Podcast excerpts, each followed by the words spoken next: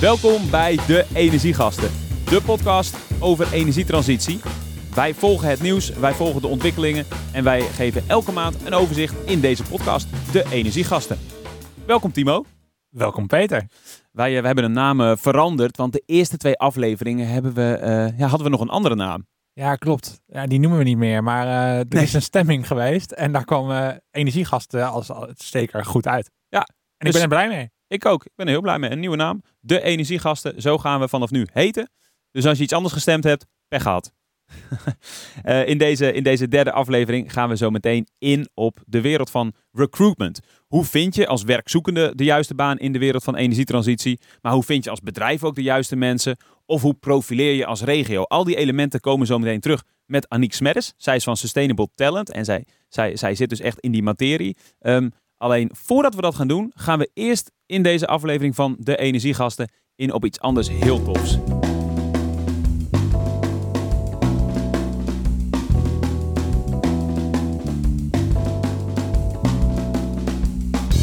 Dat is namelijk het plan Lieventse, of eigenlijk een variatie daarop.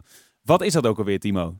Ja, ik, ik kan me altijd herinneren dat mijn vader het erover had, maar ik wist nooit precies wat het was. Dus ik heb het even opgezocht. Die een, uh, heeft een plan geformuleerd om het Markenmeer te gebruiken als buffer voor energie. Dus door het, het, het waterpeil van het Markenmeer te variëren, daardoor energie op te kunnen slaan.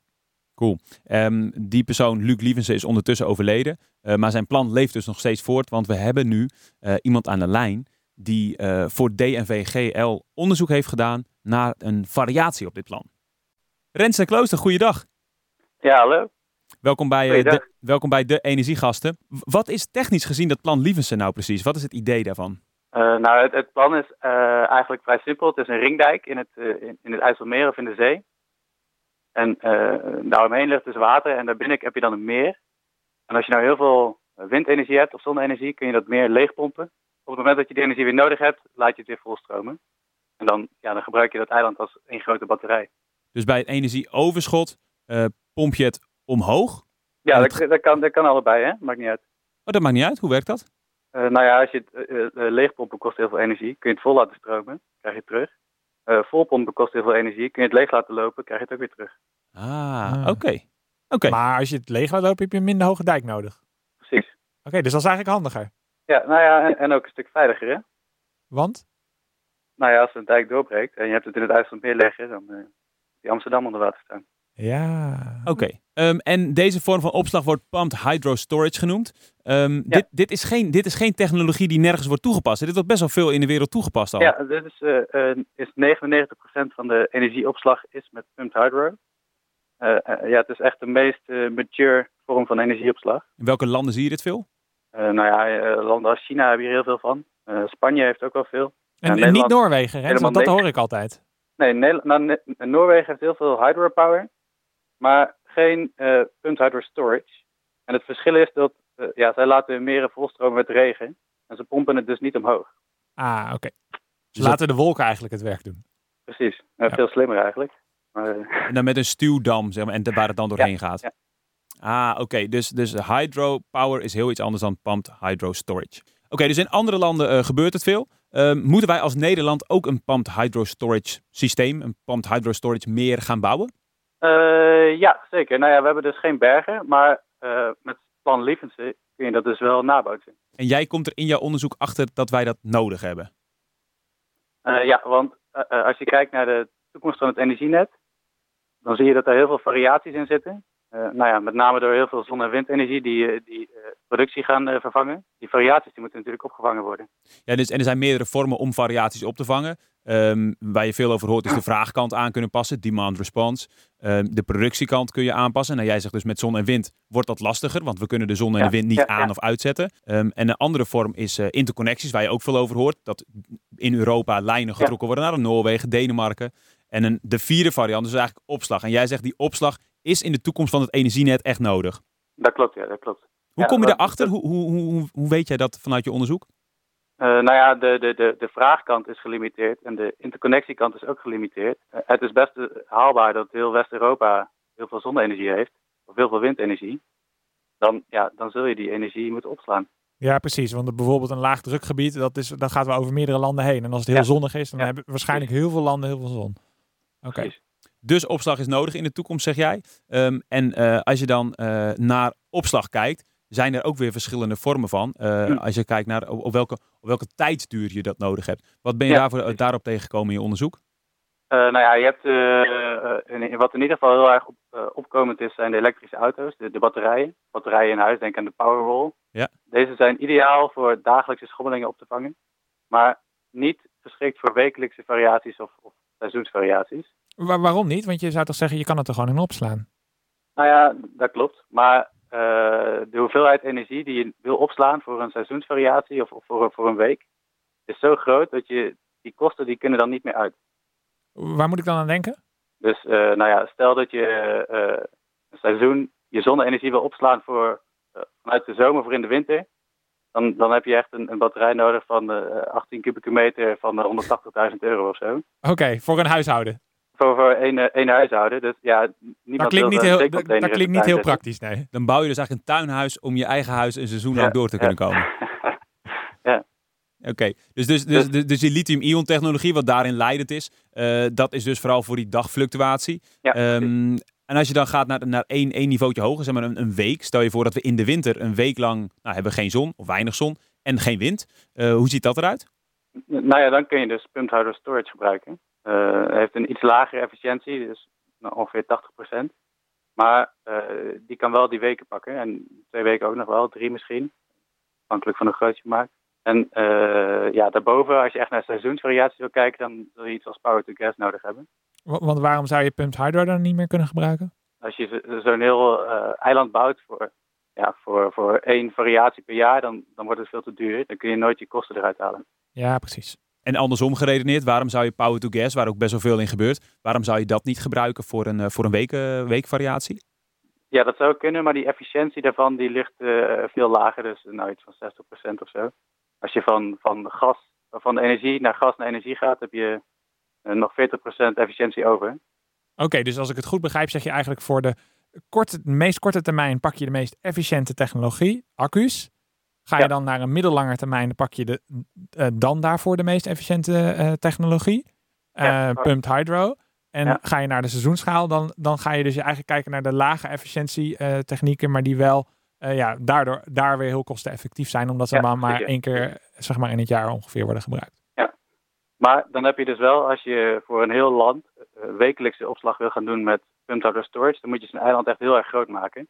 Want ja, je kunt niet, niet heel erg diep. Dan op een gegeven moment zit je tegen de zeebodem. Dus ja, je moet wel de, de, de oppervlakte eh, uitzoeken.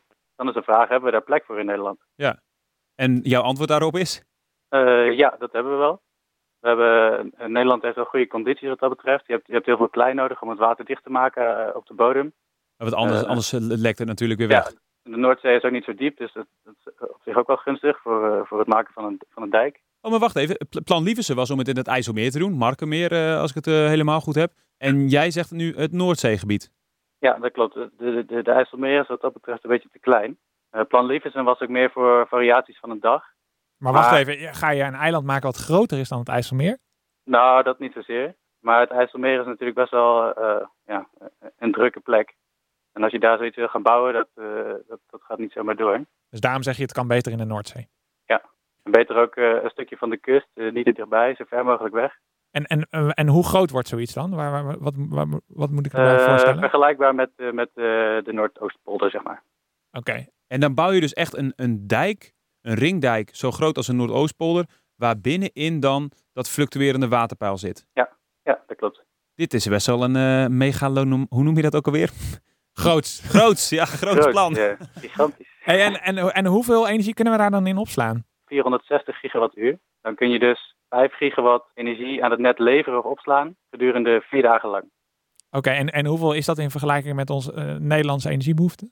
Eh, dat is ongeveer een derde van de, van de vraag. Dus dat is echt, echt gigantisch. Oké, dus als we vier dagen bijvoorbeeld even te weinig wind hebben in heel West-Europa en die batterij, eh, batterij, zeg maar het meer, is helemaal opgeladen, dan kunnen we een derde van onze- elektriciteit gedurende vier dagen uit dat meer krijgen. Precies. Nou, dat klinkt als een goed plan. Ja, en heel even voor, voor de duidelijkheid. Om zo'n zo'n zo'n ringdijk in de Noordzee te kunnen bouwen, Eh, is dat echt een eitje of is dat ook nog een technische uitdaging om dat nou te ja, kunnen bouwen? eh, eh, een dijkbouwer, zeg maar, die, die polders, die maakte wel in de jaren, jaren 30, 40. Dus dat, dat is het punt niet zo. Ja, precies. Dus Ja, maar niet in de Noordzee op een plek waar we dat nooit eerder gedaan hebben, toch? Nou ja, het is iets dieper, maar eh, dat is allemaal wel, wel gewoon haalbaar. Dat, eh, we moeten er niet te moeilijk over doen, hoor ik, Peter. Oké, oké. Oké, en maar dan de laatste vraag lijkt mij. Kunnen we dit betalen? Want het, klinkt allemaal alsof het allemaal wel mooi kan. En het kan met onze, onze huidige bedrijven. Maar is het een beetje te betalen? Eh, ja, nou ja, eh, je kunt eh, als je energie gaat inkopen en verkopen op de markt, kun je daar natuurlijk winst uit halen. En hoeveel het dan precies is, daarvoor heb ik eh, twee scenario's aangehouden. Een, een scenario met weinig renewables en eentje met veel. En ja, als je echt heel veel renewables hebt, dan, dan kan het uit. Dan krijg je dat geld eh, binnen 40 jaar weer terug. Binnen Maar- 40 jaar? Nou ja, binnen de levensduur van zijn eiland. Ja, precies. Maar, niet, maar een gemiddelde investeerder zou zijn geld wel ietsje eerder terug willen zien, lijkt me. Ja, en ook in het lage renewable scenario eh, duurt het nog veel langer. Dus je zult wel eh, secundaire functionaliteit moeten toevoegen. Dat, dat hoor ik wel vaker. Als een business case niet helemaal positief uitkomt. Nou ja, Dan moeten we functies eiland gaan In de combineren. Noord heb je natuurlijk gigantisch veel, veel mogelijkheden. Ja, waar, waar zou ik aan moeten denken dan? Gaan we er toeristenbootjes heen sturen? Of? Nou ja, eh, je kunt er een, een, een interconnection hub van maken. Dus een, een, eh, ja, punt in de Noordzee waar alle landen aan geconnecteerd kunnen worden. Ja, dat is wel een leuke. Dat zag ik eh, begin maart ook in het nieuws. Dit is, dit is inderdaad niet zo'n heel slecht idee. Ik zag een eh, nieuwsbericht van Tennet die de North Sea Wind Power Hub willen maken. Niet alleen met Tennet Nederland, maar ook in samenwerking met eh, Denemarken en Duitsland. Om Ja, dan een ja. gezamenlijk soort eiland te bouwen. Een interconnectiehub waar ook windmolens op komen. Daar zou dit plan gewoon bij moeten zitten, toch? Ja, absoluut. Maar heb jij in jouw onderzoek ook al contact met Tennet gehad? Heb je zo'n partij geïnterviewd of hoe, hoe is dat gegaan? Eh, ja, ik heb wel contact met Tenet gehad ook, ja. En, en heb je dat ook meteen al, is dat ook in jouw financiële analyse al meegenomen? Wat dat zou betekenen als dat er wel bij zou zitten? Eh, nee, die heb ik er nog niet eh, ingestopt. Oké, dus dat zou eigenlijk de volgende stap moeten zijn om te kijken van als je die functies gaat combineren, kan je dan uiteindelijk tot een haalbare business case komen. Nou ja, ik heb, ik heb twee dingen heb ik erbij gepakt. Dus eh, goedkopere windparken eh, in de buurt van het eiland. Wat, wat verdiensten aan eh, ja, het, het maken van, van windturbines. En dan, dan, dan kom je er eigenlijk al vrij snel op dat je zo'n business case best wel rond kan maken. Ja, en je kunt natuurlijk windmolens op de dijk neerzetten. Ja, ja precies. Oké, no- nog heel even terug naar die inkomstenstroom van dit hele verhaal. Ehm, hoe ga je dan geld verdienen op die, op die energiemarkt met, met, met dat meer? Nou ja, je, ja, je kunt dus inderdaad eh, eh, met de energiemarkt, kun je, kun je, daar kun je aan deelnemen. Eh, de, de APX is dat. En eh, Dat, de Ja, APX is even, de, even voor- om uit te leggen, dat is de markt waarop we energie verhandelen. Hè? Ja, dat klopt, ja. Dus eh, energie wordt verhandeld op de APX voor, voor de volgende dag. En eh, iedereen die energie produceert, kan daar eh, eh, ja, zijn bod op doen. En eh, iedereen die energie wil afnemen ook. Oké, en je hebt ook nog een andere markt waar we het ook wel eens over gehad hebben. Dat is de onbalansmarkt, maar dat is op de dag zelf. Dus dat, is, dat zijn ja, meer dat de... dus eh, binnen een uur, als er nog eh, korte veranderingen zijn, bijvoorbeeld het waait ineens wel of de, de, de valt de centrale uit of zo, dan heb je die onbalansmarkt. Oké, maar in jouw plan hou je dus rekening met de APX-markt. Daar Ja, ga je geld ja, aan verdienen. En die onbalansmarkt, Ja, ja, die, die, die, die laat jij geloof ik links liggen. Hè? Waarom is dat? Ja, nou ja, omdat er dus zoveel eh, batterijen in het systeem komen, zullen er, nou, pak een beetje in 2020 al niet echt meer, eh, eh, zal er niet echt meer markt overblijven voor die onbalans. In Batterijen die 2020, zijn heel dat is, erg, dat is over drie jaar al, Rens. Over drie jaar zeg is er eigenlijk al geen echte, echt Ja, geld meer nou te verdienen op de onbalansmarkt. die onbalansmarkt die is maar een paar honderd megawatt groot. En eh, als je kijkt hoeveel elektrische auto's er over drie jaar aan het net ge- gekoppeld zullen zijn, naar verwachting, dan, ja, dan is die hele markt is gewoon al, al op, zeg maar. Oké, Oké, dat is wel interessant. Hè? Dat is wel, je- want je ziet soms ook businessmodellen waar daarin heel erg rekening mee wordt gehouden. Maar jij zegt eigenlijk, nou, dat, dat eet zichzelf op. Eh, even terug naar die APX-markt. Daarmee ga je een inkomstenstroom krijgen. Ehm, hoe groot zijn schommelingen op die markt? Ik, ik, ik, ik, bijvoorbeeld een prijs, een energieprijs is bijvoorbeeld misschien een keer 4 cent voor een kilowattuur. eh, op, een, op een dag dat de het aanbod ehm, Ja. normaal Nou ja, die, is. die prijs die kan een beetje variëren tussen 2 cent en 6 cent of zo. Maar ja, dat ligt ook een beetje. Het is, het is, het is, is echt een, eh, ja, een, st- een stukje markt. Die, kan, die kan ook negatief worden. Dat, eh, alles is mogelijk. Ja, en negatief is die dan op het Meer moment dan dus, 10 cent geweest. Of, ja, dat kan allemaal natuurlijk. en negatief is die dan op het moment dat er dus zoveel aanbod is en zo weinig vraag Ja. dat mensen gewoon ja, dat, geld ja, dat was toegeven voor als je, het, als je het eh, krijgt. eh, afgelopen kerst in, in Duitsland was er, eh, ja, het hele land staat dan stil, dus er is weinig vraag. En eh, er was, die dagen was er heel veel wind. Toen zijn de, de prijzen ook eh, gedurende een hele dag zo zijn ze negatief geweest. Dus eh, ja, ja, dat kan eh, zeker voorkomen. En op dat moment zou je dan je pompen aan kunnen zetten om je meer... Ja. Ja, dan krijg je betaald om je eiland vol te laten stromen en dan krijg je het ook weer terug als je het teruglevert. Dus je krijgt er op beide momenten, komt er eigenlijk geld binnen. Ja, maar ja, dat is, dat is nu nog een, een vrij zeldzame situatie. Maar zo gauw je meer, meer windenergie in het net gaat stoppen, dan eh, zal dat meer voorkomen natuurlijk. En, en hoe, bij hoeveel is dat dan? Bij hoeveel wind en zon moeten komen? Willen die variaties dan zo eh, groot worden dat je echt geld kan gaan verdienen met Ja, zo'n nou ja, eh, als je ongeveer 20 à 30 procent eh, van je energieproductie uit windenergie hebt, dan zijn er momenten waarop eh, alle energie die je nodig hebt door wind wordt geproduceerd. Ja, precies. Dan Dus- krijg je van die dagen dat we gewoon 100% op eh, windenergie zitten. Ja, precies, ja. En, en 20, 30 procent, eh, dat is, nou, dat kan best wel snel zijn. Ik bedoel, we Ja, zitten we nu zitten geloof nu ik op, op, eh, 6, 7, 11? 11? Oké. Ja, het ligt een beetje aan wat je meerekent natuurlijk. Je hebt Ja, de biomassa natuurlijk. Ja, ja, ja, de biomassa. En eh, laten we die voor het gemak meetellen. Dan zitten we op 11 procent. En dus dat is eigenlijk best wel dichtbij, dat, dat je dan eh, naar die 20, 30 procent gaat. Ja, dat is, eh, dat is over, over tien jaar kunnen we daar wel aan zitten, ja. Oké. Volgens mij is het wel helder eh, op welke manier je geld kan verdienen met zo'n eiland. Dus je moet de variaties, langere termijn variaties op 1, 2, 3 weken niveau, die moet je gaan pakken. Daarvoor Ja. ga je dus eh, water op en eh, naar, beneden, naar beneden pompen. Wil je het op korte termijn schalen doen, dan gebruik je een batterij. Wil je het op langere termijn schalen gaan doen, dan moet je dus kijken naar lagere efficiëntietechnieken, zoals bijvoorbeeld power to gas. Nou, kunnen we het ook nog wel een keertje over hebben. Maar dan nog, op het moment dat je dat dus goed doet, dan moet je nog alsnog dat eiland voor andere dingen ook gaan gebruiken, omdat we het anders niet kunnen betalen. Maar ja, laten we nou niet. ja, eh, het ligt een beetje aan de situatie. Want stel dat we in 2050 eh, 100% eh, duurzame energieopbrengst hebben, dan, dan kan het wel uit.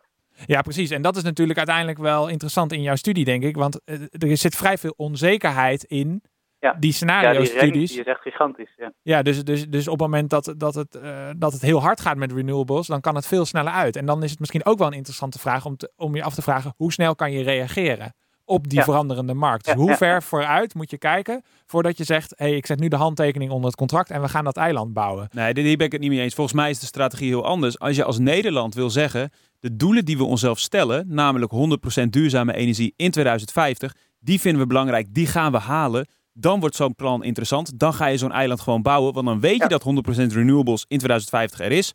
Dus ga je hier geld mee verdienen. Dat is volgens mij hoe het gaat lopen. Want anders gaan we zeggen, oh, we moeten nog even een paar jaar wachten. Nee, nu de handtekening eronder, Rens aan het werk zetten, bouwen dat eiland, jongen. Graven, ja. ja, precies. Nou, op zich is dat wel interessant. Maar dan, maar dan zet je dus eigenlijk, ja, precies. Dan ben je dus eigenlijk heel erg op dat ondernemerschap aan het zitten. Dan denk je van, nou, dit wordt uiteindelijk ook een exportproduct. En daarom durf ik daar nu op in te investe- investeren. Op, ik zou zeggen, daarmee ga je op visie zitten en zet je een keer een langere termijn strategie neer. eh, ten opzichte van een politiek die nu meer gaat over vierjarenplannen. Ja, en het is natuurlijk ook, eh, die, die toekomst is heel erg onzeker. Maar als je zo'n groot project eh, gaat bouwen, dan dat maak je eigenlijk ook een stukje toekomst. Ja, exact. Wie gaat de kar hier trekken in dit plan? Je moet een beetje denken aan, aan een consortium, dus zoiets gaat niet één iemand doen. Maar ja, je hebt eh, een grote baggeraar heb je nodig, eh, je hebt, eh, je hebt ja, een energiebedrijf heb je nodig. Weet je, op die manier Tennet heb je zeker nodig voor die, die, die, die lijnen te leggen. En op die manier zou zo'n plan van de grond kunnen komen. Ja, ja. Mooi. Rens, dank voor je uitleg. En ehm, we houden de ontwikkelingen van het plan Lievense 3.0, laten we het zo noemen, in de gaten. Helemaal goed.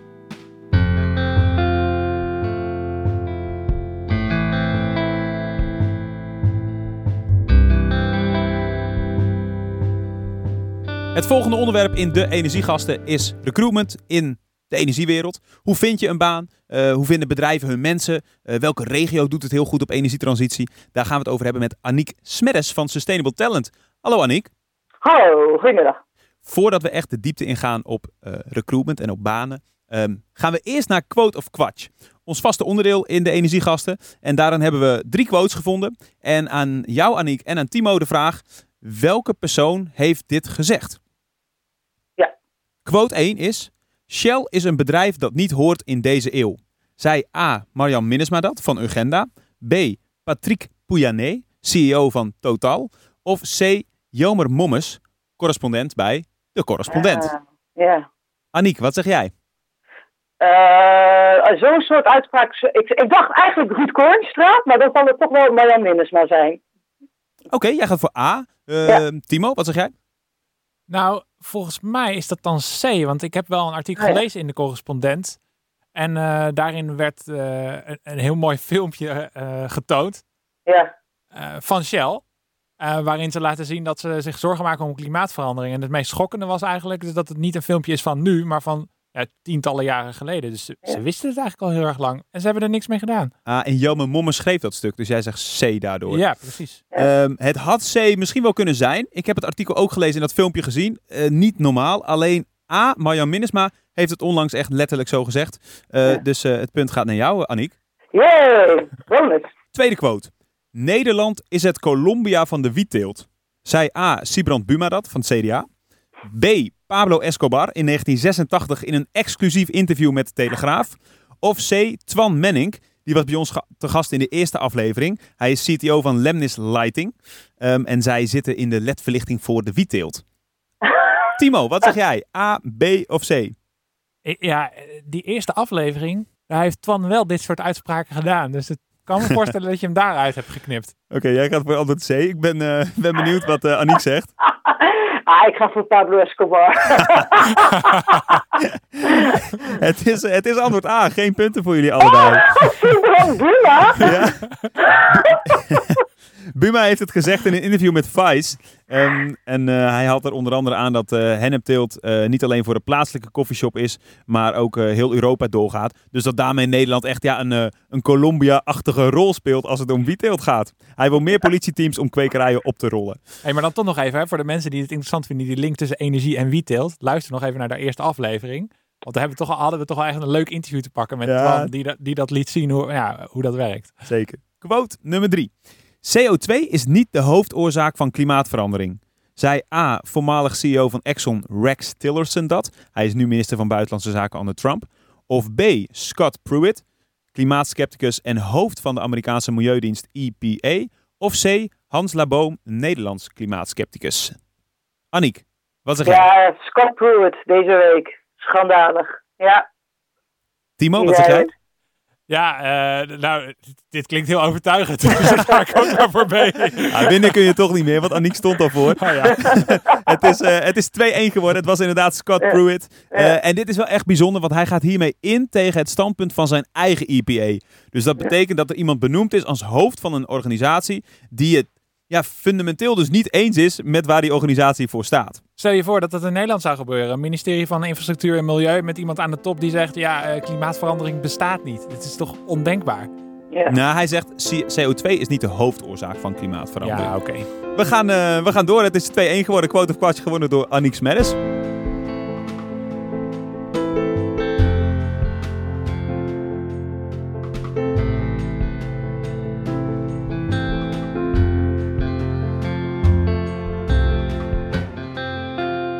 Aniek, jij hebt het bedrijf Sustainable Talent. Ehm, wat doe je met Sustainable Talent, om daarmee te beginnen?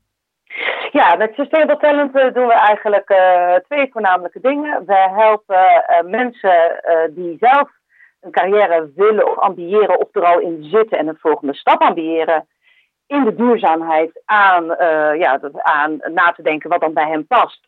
Maar ook hoe zij het meest kans maken bij aansluiten bij een werkgever in duurzaamheid. En het tweede ding wat wij doen is inderdaad ook eh, assisteren bij recruitment, bij eh, duurzame werkgevers. Om even te beginnen bij, bij het perspectief van de werkzoekende. Zijn er veel mensen die daar iets in zoeken in die, in die hoek? Merk jij dat in de duurzame energiewereld?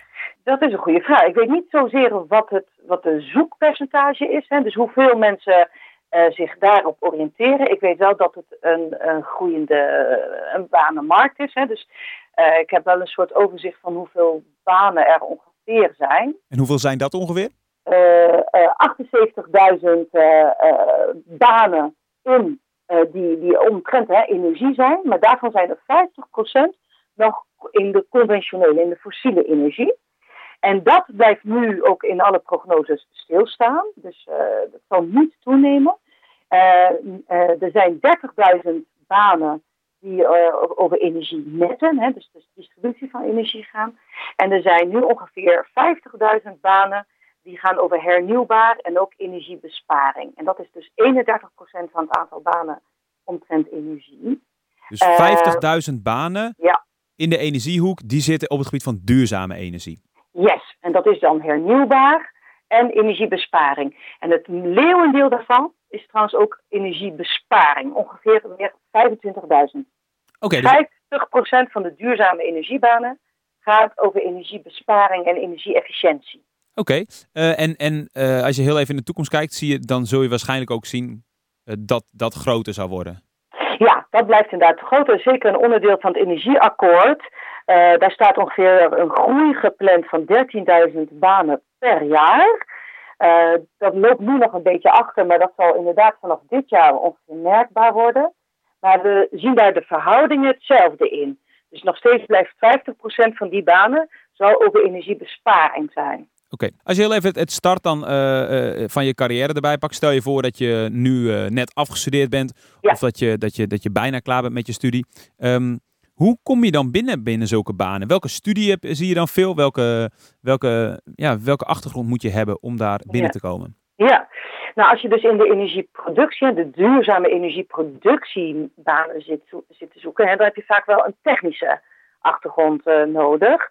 Dus dan eh, zijn toch de, de technische universiteiten of de technische HBO's, die zijn het meest relevant. Hè, dus dat je in ieder geval veel over de, de techniek en de toepassing van de techniek eh, nodig hebt. Maar je hebt ook heel veel banen die eigenlijk een wat algemener karakter als achtergrond hebben. Mhm. En die dan wat zich meer eh, oriënteren op de, de toepassing ervan. Ehm, dus als voorbeeld, eh, ehm, als je wat meer in de organisatie van energietransitie zit te zoeken. Hè, dus dan gaat het bijvoorbeeld over businessmodellen.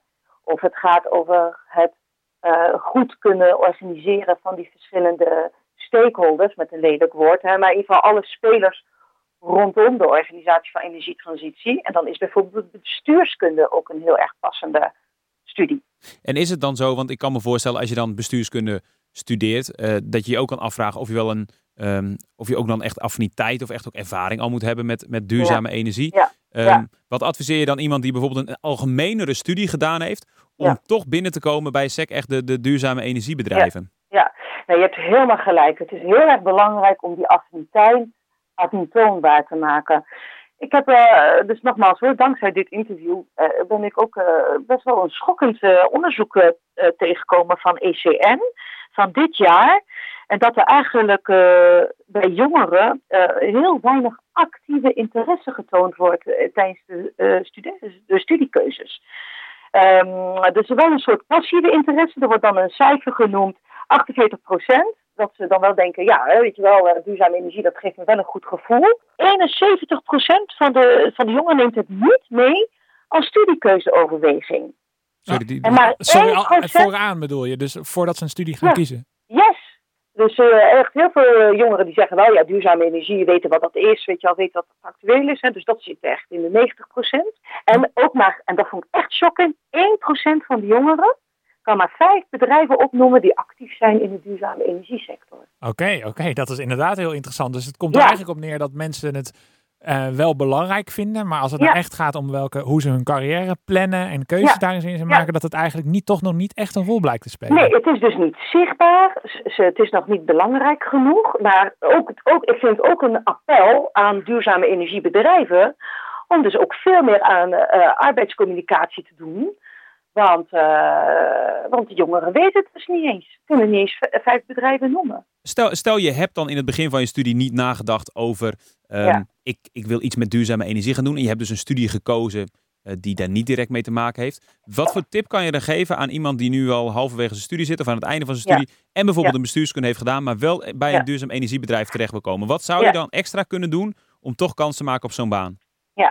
Nou, er zijn eigenlijk eh, twee dingen die werkgevers heel erg belangrijk vinden. En dat is ten eerste dat je wel up-to-date bent van eh, de uitdagingen. Eh, dus lees inderdaad hè, eens een keertje wat energiespecials of volg jullie podcasts natuurlijk. Hele goede. ja, een goede tip. Ten tweede is dat je zeker aantoonbare affiniteit moet hebben. Nou, en hoe kun je dat nou eigenlijk als jongere echt aantonen?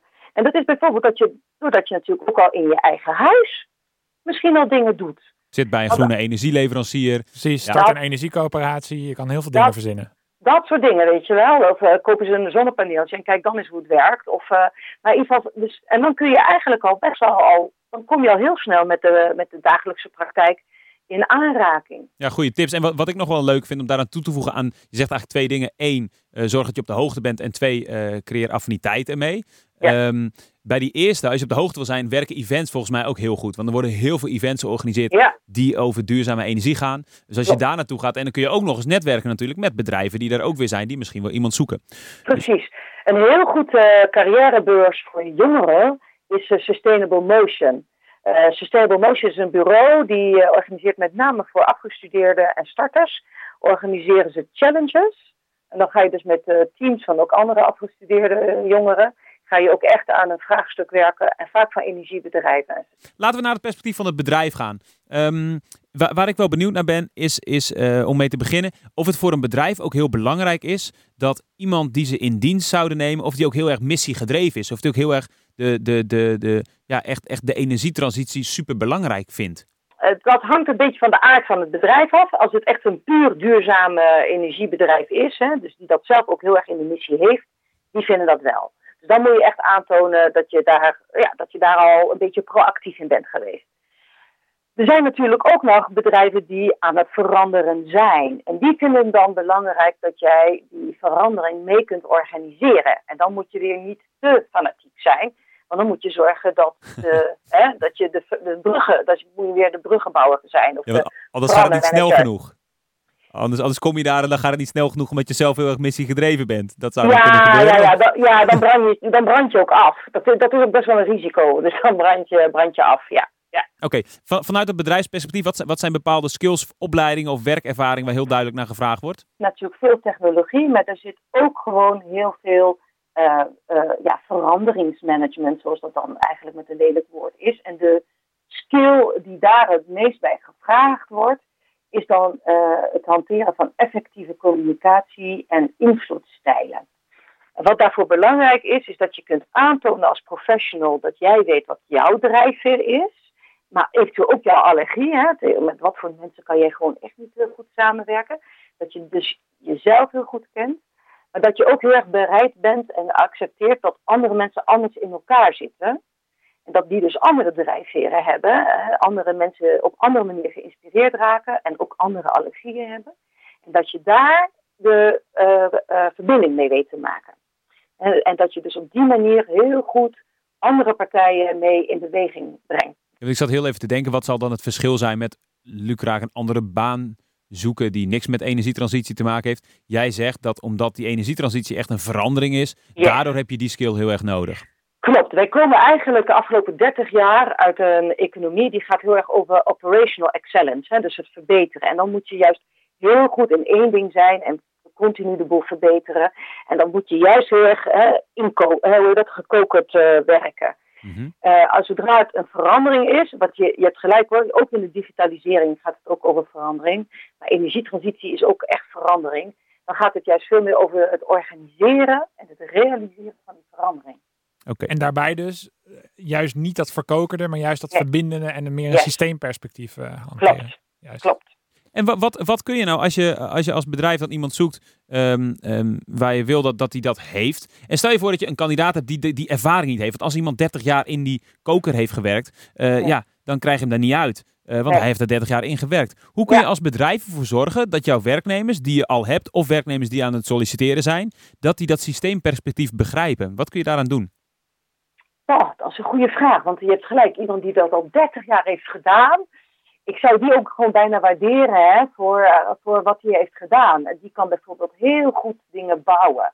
Want op een gegeven moment heb je ook, als je een uh, duurzaam bedrijf bent, hè, bijvoorbeeld een social enterprise met een helemaal nieuwe vernieuwing, wat je, dus Luminex of zo, ik zeg maar wat.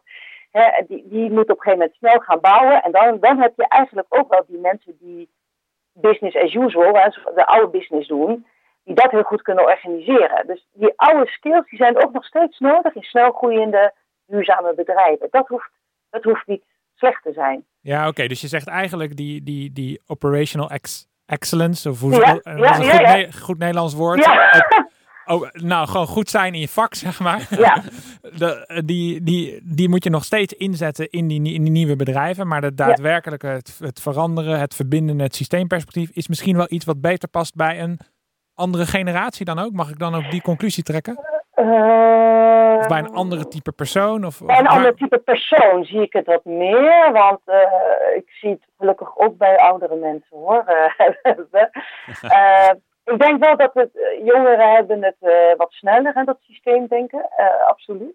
Het, ik vind wel dat jongeren zijn soms nog wat ongeduldig ten opzichte van ouderen. Anderen hebben, andere, ouderen kunnen soms iets, hebben iets meer geduld in echt die brug bouwen. Zullen we nog eventjes als laatste dat regioperspectief erbij eh, pakken, Peter? Ja, laten we het doen. Want, want dat is echt wel iets wat, wat, wat heel erg geclaimd wordt, ook door bepaalde partijen. Dat je ziet dat bijvoorbeeld een regio als Groningen um, heel erg bijvoorbeeld zit op, ja, wij zijn echt de energiestad, de energieregio van de toekomst. Um, wat, wat zie jij daarin gebeuren, Aniek?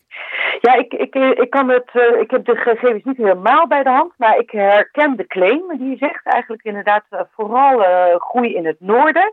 Dus Drenthe, Friesland, Groningen en Noord-Holland-Noord.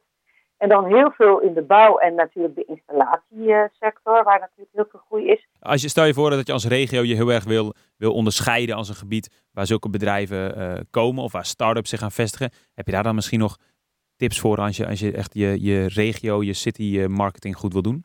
Uh, nou, je moet denk ik een ambitie hè, uiten. Ik denk dat dat gewoon heel erg goed werkt. Ik weet niet of jullie het Ik vind bijvoorbeeld de city marketing van Amsterdam heel erg inspirerend zelf die hebben gewoon vier pilaren, uh, pijlers, waar ze zeggen van nou, dit is hoe Amsterdam zich gaat onderscheiden op duurzaamheid. En dat, dat geeft gewoon richting.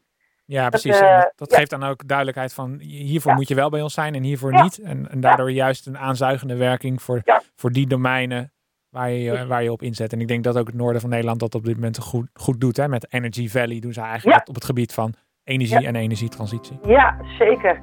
Aniek Smeddes van Sustainable Talent, dankjewel voor je toelichting. Check sustainabletalent.nl als je op zoek bent naar een baan of als je als bedrijf wat uh, hulp kan gebruiken. Um, Aniek, wij, uh, wij danken jou. Dankjewel en succes met de uitzending. Dit was hem, de Energiegasten aflevering nummer 3. Timo, volgens mij heb jij nog leuk nieuws. Ja, klopt. Binnenkort komt onze nieuwe website online energiegasten.nl. Daar kan je dus alle afleveringen terugluisteren. En onder elke aflevering zie je links naar de relevante bronnen en de sprekers die we te gast hebben gehad. Perfect. Tot de volgende keer. Tot april.